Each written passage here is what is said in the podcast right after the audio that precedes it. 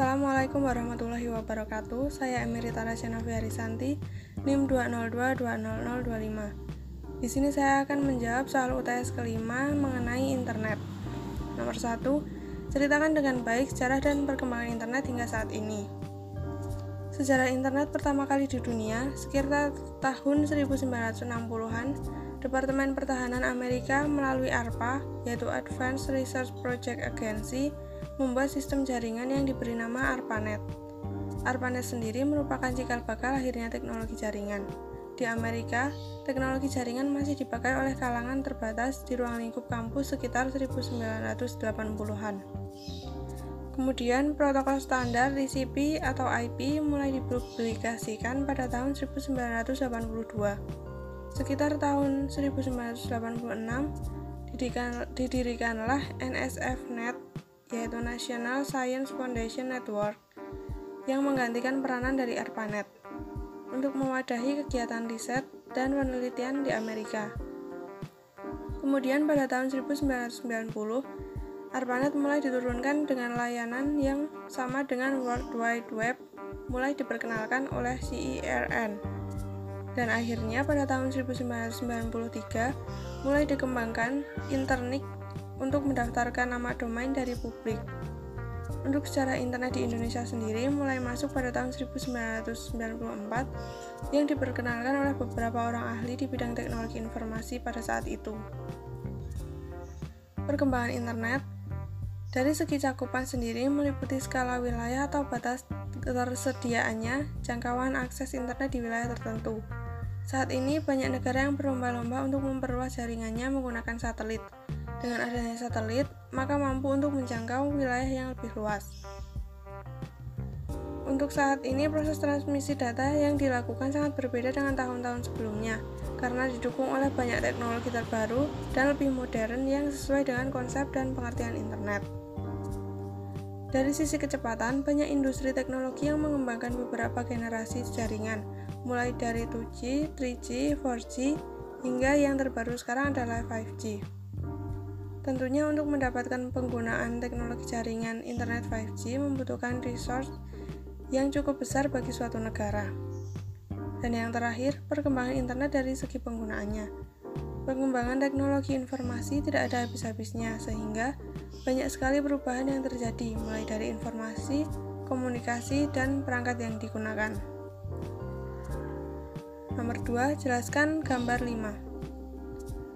Internet merupakan jaringan terluas dalam sistem informasi yang memungkinkan perangkat di seluruh dunia untuk saling terhubung. Jaringan internet dapat diakses publik yang mengirimkan data menggunakan standar protokol internet atau IP. Informasi yang tersebar di internet dapat diakses melalui jaringan World Wide Web atau WWW, baik dalam bentuk teks, musik, foto, video, atau apa pun. Yang kedua adalah extranet. Extranet adalah internet yang dapat diakses oleh beberapa orang dari luar perusahaan, atau mungkin dibagikan oleh lebih dari satu organisasi, sedikit lebih luas dibandingkan intranet.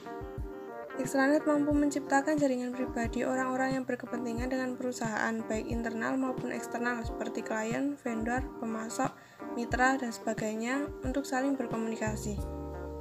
Yang terakhir adalah intranet, Internet adalah jaringan inform teknologi informasi yang lebih sempit dan private dibandingkan internet. Internet memungkinkan untuk menciptakan ruang kerja digital perusahaan yang memusatkan setiap orang, dokumen, alat, percakapan, dan proyek di dalam perusahaan. Internet biasanya perusahaan akan memulai dengan menerbitkan halaman web tentang acara perusahaan, kebijakan kesehatan dan keselamatan, dan buletin staff. Dengan kata lain, intranet bisa dimanfaatkan sebagai portal yang menyediakan akses ke semua hal yang dibutuhkan pekerja. Nomor 3. Jelaskan yang dimaksud dengan World Wide Web, apa saja fungsi dan kegunaannya. WWW atau World Wide Web adalah suatu ruang informasi di internet yang digunakan oleh pengenal global yang disebut dengan URL untuk mengenali sumber daya yang berguna. World Wide Web merupakan bagian dari internet yang mengandung informasi-informasi seperti suara, video, gambar, dan teks. Singkatnya, World Wide Web adalah sistem untuk mengirimkan dan menyebarkan data melalui jaringan internet pada skala yang besar, yaitu seluruh penjuru di dunia. World Wide Web juga dapat diartikan sebagai sebuah nama yang diberikan agar semua bagian internet dapat diakses dengan sebuah software web browser. World Wide Web juga sering disebut sebagai sebuah protokol di sebuah URL, sering pula disebut sebagai istilah untuk mengidentifikasikan sebuah media jaringan internet.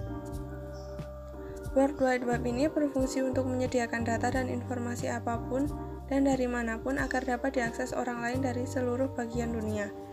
Dengan adanya World Wide Web, di internet dapat memberikan kemudahan dan kecanggihan pengguna internet secara lebih cepat dan mudah. Nomor 4, jelaskan perbedaan broadband atau jaringan antara 3G, 4G, dan 5G. Yang pertama ada 3G, 3G artinya adalah generasi ketiga. Inilah awal dari internet telepon genggam yang lebih cepat dan kemampuan multimedia seperti pengunduhan video, email, berbagi gambar, dan pengalaman browsing. Ponsel pintar diperkenalkan di generasi ini tahun dan 3G menggunakan teknologi baru yang dikenal sebagai UMTS. Secara teori, Kecepatan maksimum 3G adalah 21,6 Mbps melalui HSPE plus teknologi. Yang kedua, 4G. 4G adalah generasi keempat. Ini adalah masanya dorongan untuk kecepatan, kualitas, dan keamanan tinggi. Dua teknologi paling penting setelah 4G adalah MIMO dan UFDM. Dan dua standar 4G yang paling banyak digunakan adalah WiMAX dan LTE. Secara teori, kecepatan 4G untuk benda bergerak adalah 100 Mbps dan 1 Gbps untuk benda yang tidak bergerak. Meskipun pada praktiknya penggunaannya sering bervariasi. Yang terakhir ada 5G, yaitu generasi kelima. Sekarang ini 5G sedang dalam pengembangan dan peluncuran segera. 5G diharapkan memiliki kecepatan internet secepat kilat dengan kepadatan koneksi yang lebih tinggi dan latensi yang lebih rendah. 5G diharapkan mempunyai konsumsi baterai yang lebih rendah dan meningkatkan cakupan nirkabel dengan kecepatan 35,6 Gbps. Nomor 5, cloud computing atau cloud server sedang ramai dibicarakan belakangan ini. Ceritakan cara kerja cloud, cloud computing, apa saja manfaat dari cloud computing, berikanlah contohnya. Cloud computing bekerja menggunakan internet sebagai server dalam mengolah data. Sistem ini memungkinkan pengguna untuk login ke internet agar dapat mengakses untuk menjalankan aplikasi yang dibutuhkan tanpa melakukan instalasi.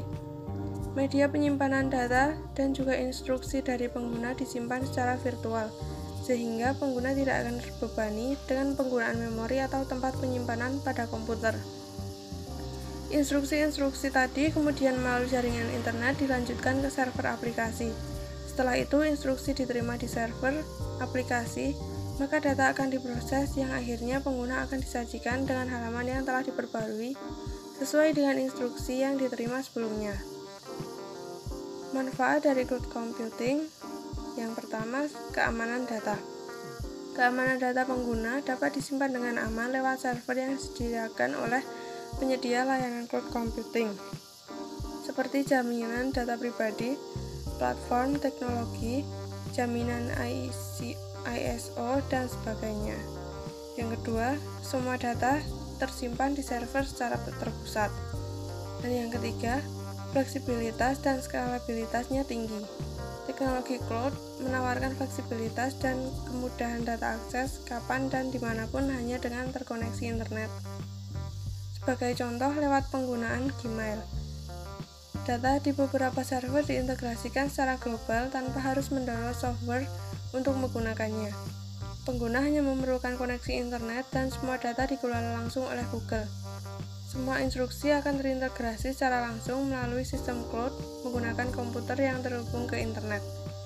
Sekian dari saya, terima kasih. Wassalamualaikum warahmatullahi wabarakatuh.